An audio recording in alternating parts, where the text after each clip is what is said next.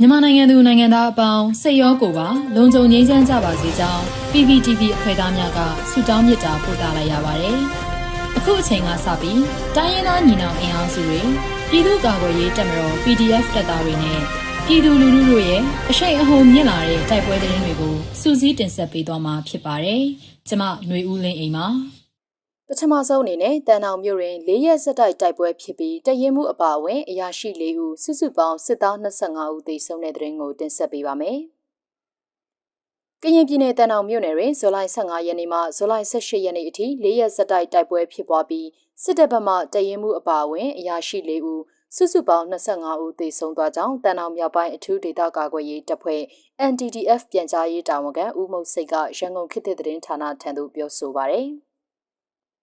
ဇူလိုင်လ15ရက်နေ့မှဇူလိုင်လ18ရက်နေ့အထိတန်အောင်မြို့နယ်မင်းလန်းအုပ်စုမိအီကြီးရွာတစ်ကုန်းစူစီးကြီးရွာများအနီးထိတွေ့တိုက်ပွဲဖြစ်ပွားကြောင်းဇူလိုင်လ15ရက်နေ့တွင်2နာရီခန့်ဇူလိုင်လ16ရက်နေ့တွင်တနေ့လုံးဇူလိုင်လ18ရက်နေ့နနက်ပိုင်းမှမွန်းလွဲ2နာရီအထိ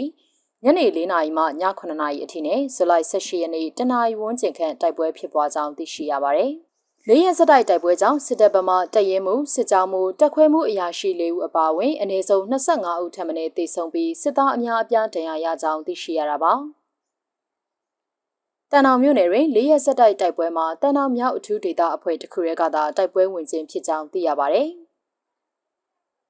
ဆက်လက်ပြီးနထိုးကြီးမြို့နယ်တွင်စစ်ကောင်စီတပ်ဖွဲ့စီးနင်းလိုက်ပါလာတဲ့ကားတစ်စီးမိုင်းခွဲခံရပြီး၃ဦးသေဆုံးတဲ့တဲ့ရင်ကိုတင်ဆက်ပေးပါမယ်။ မန္တလေးတိုင်းနထိုးကြီးမြို့နယ်တွင်အကြမ်းဖက်စစ်ကောင်စီတပ်သားတွေစီးနင်းလိုက်ပါလာတဲ့မှန်လုံကားတစ်စီးကိုယမန်နေ့ဇူလိုင်လ20ရက်နေ့ညနေ6နာရီဝန်းကျင်တွင်နထိုးကြီး PDF ကမိုင်းခွဲတိုက်ခိုက်ရာစစ်သား3ဦးသေဆုံးကြောင်းနထိုးကြီး PDF ကသတင်းထုတ်ပြန်ပါတယ်။စစ်ကောင်စီတပ်ဖွဲ့ဝင်၈ဦးလိုက်ပါလာတဲ့မှန်လုံကားဟာနထိုးကြီးဘက်မှဝက်လူကြီးရွာဘက်ကိုထွက်ခွာလာစဉ်မိုင်းနှလုံးနဲ့ဖောက်ခွဲခံရကပြစ်ခတ်တိုက်ခိုက်ခံရခြင်းမှာ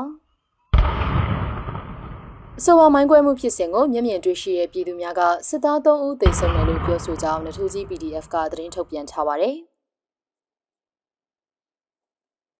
ချောင်းမြို့နယ်တွင်တရက်အတွင်းစစ်ကောင်စီတပ်ဖွဲ့များ၃ချိန်မိုင်းခွဲတိုက်ခိုက်ခံရပြီး14ဦးထပ်မံသေဆုံးတဲ့တဲ့ရင်ကိုဆက်လက်တင်ဆက်ပေးပါမယ်။စကိုင်းတိုင်းချောင်းဦးမြို့နယ်တွင်ဇူလိုင်လ19ရက်တရက်အတွင်းအကြမ်းဖက်စစ်ကောင်စီတပ်ဖွဲ့တွေ၃ချိန်မိုင်းခွဲတိုက်ခိုက်ခံရပြီး14ဦးထပ်မံသေဆုံးကဒဏ်ရာရသူများလည်းရှိကြောင်း ချောင်းဦး PDF ကသတင်းထုတ်ပြန်ပါတယ်။ဇူလိုင်လ19ရက်နေ့နက်ပိုင်းတွင် မုံရွာမြို့မှချောင်းဦးမြို့ဘက်ကိုထွက်ခွာလာတဲ့အကြမ်းဖက်စစ်သား20ခန့်နဲ့စစ်ကားတစ်စီးပါတဲ့တပ်ဖွဲ့ကိုခင်မွန်ရွာနဲ့ချောင်းဦးမြို့ကြားမှာချောင်းဦး PDF တပ်ခွဲ1နဲ့တပ်ခွဲ၄ကမိုင်းခွဲတိုက်ခိုက်ရာစစ်သား၄ဦးသေဆုံးပြီးစစ်ကားမှပျက်စီးသွားခဲ့ကဂရိန်းကားနဲ့ဆွဲယူသွားကြောင်းဒဏ်ရာရစစ်သားတွေကိုလူနာတင်ရင်နှစ်စီးနဲ့လာရောက်တည်ယူသွားကြောင်းသိရှိရပါတယ်။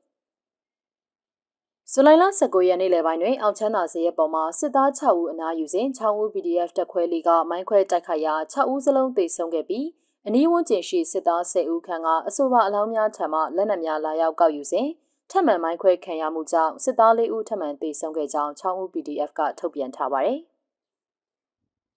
အလားတူစကိုင်းမြို့မှာမုံရွာဘက်သို့ထွက်ခွာလာတဲ့စစ်ကား၁၄စီးကိုခင်မွန်ရွာနဲ့6ဦးမြို့ကြားမှာတက်ခွဲလေးကထပ်မံမိုင်းခွဲတိုက်ခိုက်ရာ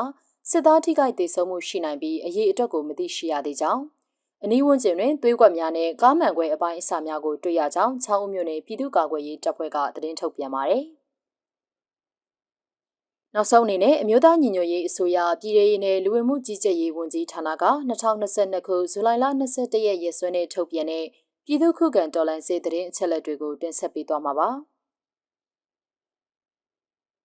အာနာသိန်းကျန်းဖက်စေအုပ်စုရဲ့ပြည်သူလူထုအပေါ်အကြမ်းဖက်ဖိနှိပ်ဖန်ဆီးတိုက်ခိုက်တပ်ဖြတ်နေမှုတွေကိုပြည်သူလူထုတရက်လုံးကအသက်ရှင်တန်ရေးအတွက်မိမိကိုယ်ကိုမိမိခုခံကာကွယ်ပိုင်ခွင့်အရာပြည်သူခုခံစစ် People's Defensive Force ကိုဆင်နွှဲလျက်ရှိပါတယ်။သတင်းချက်လက်များအရ20ရက်9လ2022ခုနှစ်ဗုဒ္ဓဟူးနေ့တွင်စစ်ကောင်စီတပ်ဖွဲ့ဝင်49ဦးသေဆုံးပြီးထိခိုက်ဒဏ်ရာရရှိသူ19ဦးအထိခုခံတိုက်ခိုက်နိုင်ခဲ့ပါတယ်။